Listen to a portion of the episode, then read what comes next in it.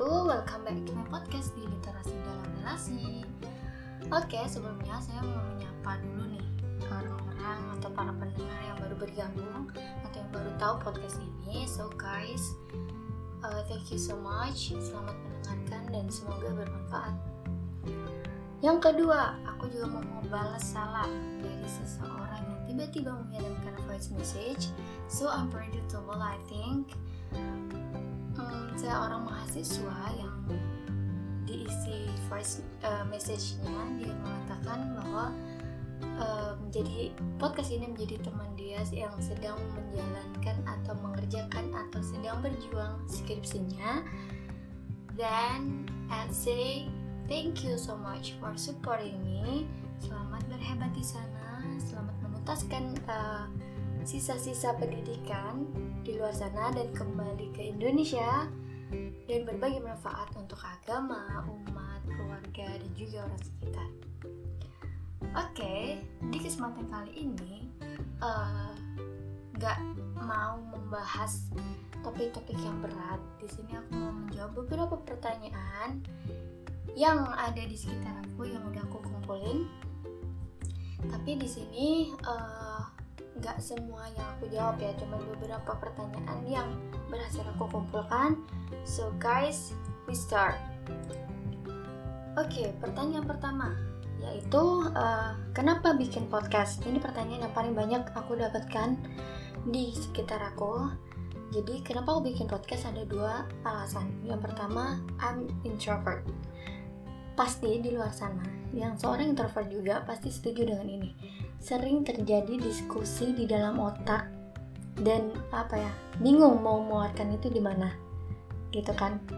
Jadi uh, terkadang tapi ini bukan ini ya bukan hanya soal kita aja yang kita bahas di dalam otak. Boleh nggak pengalaman orang lain boleh uh, hasil diskusi kita bisa uh, apa ya namanya menelaah sesuatu atau menganalisa sesuatu. Apa pun itu yang terjadi dalam otak kita sampai kita aja merasa berat gitu. Jadi kadang eh, kadang-kadang kita berpikir kita harus men-share ke siapa ke mana dan apakah ini berguna juga atau enggak gitu jadi untuk meringankan yang ada di otak itu aku bikinlah podcast dengan harapan apa yang keluar ini tetap aman dan tetap bermanfaat untuk orang sekitar yang mungkin sedang membutuhkan ini begitu yang kedua podcast ini cocok bagi aku yang ingin berbagi tapi tidak sibuk untuk bagaimana berpenampilan atau bagaimana memunculkan diri di depan banyak orang. Jadi cukup uh, dengan suara kita bisa berbagi meskipun yang di luar sana atau para pendengar bahkan tidak mengenal. Dan uh, bagaimana kita berbagi dengan sepurnya, sepure mungkin tanpa kita harus sibuk bagaimana berpenampilan di depan orang tersebut. Di situ. Dan yang pertanyaan dah pertanyaan selanjutnya yaitu uh, kenapa namanya literasi dalam relasi dari kata-katanya itu sudah bisa dicerna ya kenapa literasi dalam relasi kenapa hubungan antara literasi dan relasi dan kenapa ada literasi di dalam relasi. Poinnya adalah bagaimana kita meluaskan uh, literasi kita. Uh, bukan cuma dari buku bukan cuma dari uh, sekolah tapi dengan relasi gitu. Jadi uh, sebenarnya tujuan bikin podcast ini bukan untuk apa ya? Ya memang untuk berbagi uh, manfaat. Tapi aku nggak mau mengatakan uh, podcast ini sebagai akun dakwah atau uh, podcast sedakwah.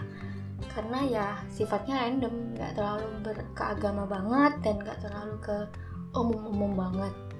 Karena memang basically aku adalah seorang santri yang memang uh, apa ya berada di tengah-tengah masyarakat. Oh ya poin satu lagi seorang introvert itu bukan berarti dia antisosial ya atau mungkin uh, hanya sibuk di di belakang kamera atau nyaman di dalam kamar. Enggak mereka juga bersosial mereka juga senang berkumpul apalagi dia mereka justru suka dengan orang-orang intro yang ekstrovert. Begitu. Tapi uh, perlu digarisbawahi bahwa semua yang ada di podcast aku bukan selalu tentang aku ya. Atau mungkin uh, di luar sana ada yang mengenali aku uh, kenal podcast ini dan tahu siapa aku. Satu hal uh, jangan mempersepsikan macam-macam di podcast aku karena ini bukan hanya tentang aku dan aku saja tapi uh, banyak dan lain hal yang terjadi uh, atas referensi dari orang sekitar juga. Karena saya sudah lelah menjalani uh, apa ya menghadapi beberapa penilaian-penilaian yang bikin aku stres banget. Jadi gitu. Jadi sebelum itu terjadi sebelum negara api menyerang kembali ingat poin ini oke? Okay? kemudian ada pertanyaan lagi dari beberapa teman yaitu aku nggak bisa membuka apa tuh? Nggak apa itu namanya? Aduh susah banget ya hmm. ini nih kadang anak-anak kata orang-orang bilang gimana sih caranya bisa ngomong secara pede gitu? Sebenarnya uh, ngomong lancar katanya. Sebenarnya enggak karena aku malah sering ngomongnya tuh belepotan. Karena uh, beberapa teman aku udah paham uh, pikiranku udah nyampe ke mani mulutnya masih di SPBU jadi ngomongnya suka belepotan karena mengejar apa yang udah dipikiran udah jauh ke mana-mana gitu. Jadi lebih cepat berpikir daripada cara ngomong gitu. Jadi suka belepotan. Mohon maaf oke? Okay? oke okay, lanjut lagi. Pertanyaan pertama dari uh, XXXXXX pertanyaannya adalah hmm, dia seorang yang sangat-sangat jauh dari negara ini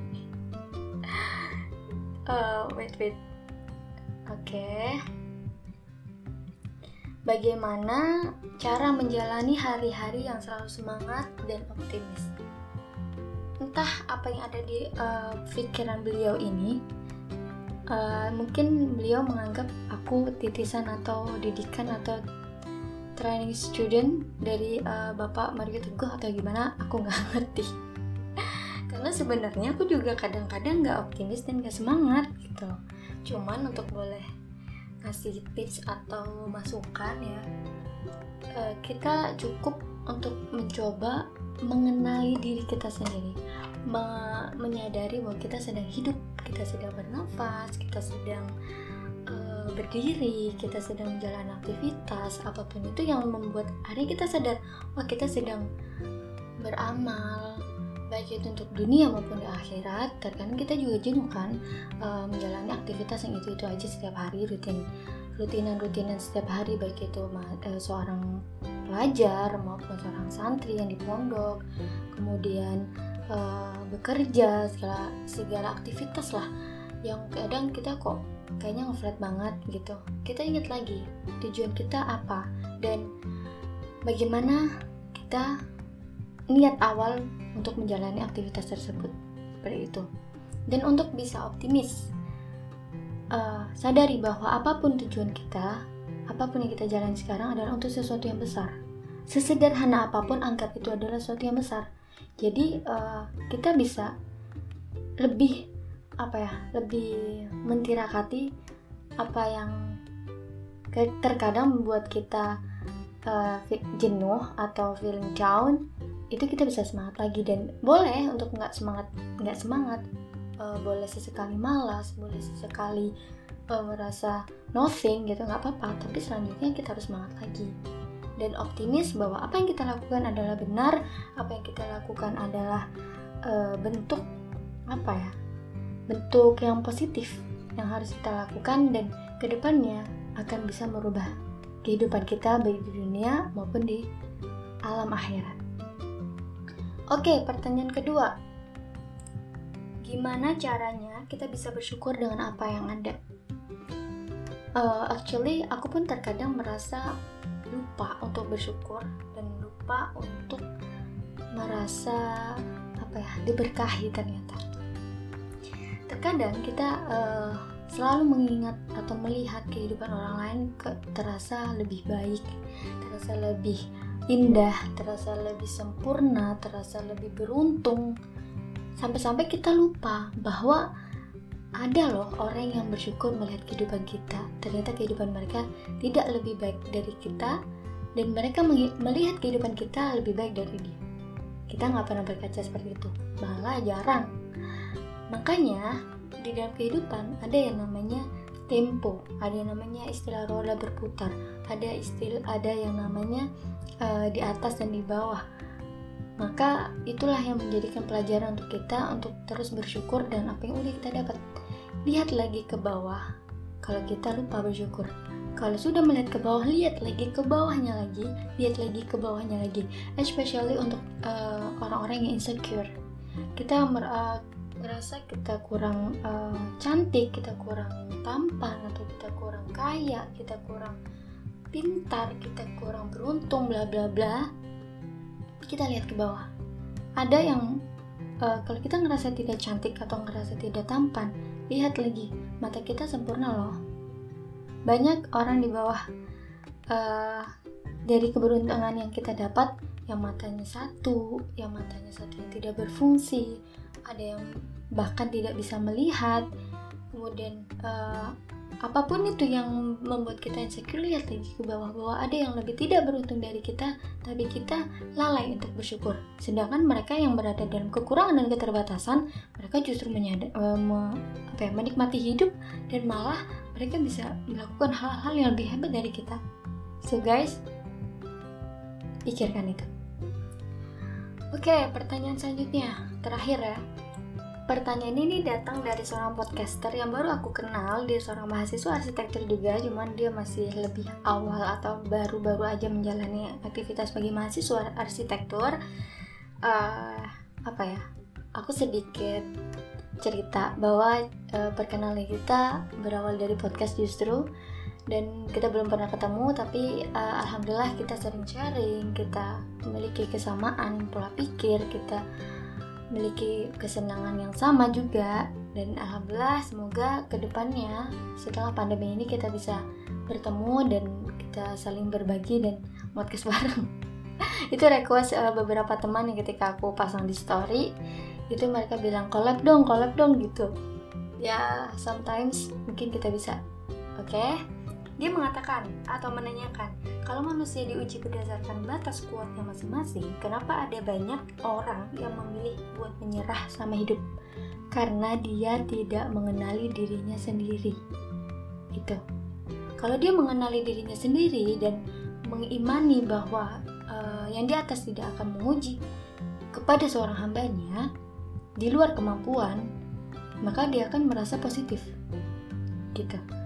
Seperti contoh orang yang tiba-tiba bunuh diri untuk uh, apa ya, menyelesaikan masalah yang mungkin menurut dia terlalu berat dan dia tidak bisa menjalani itu.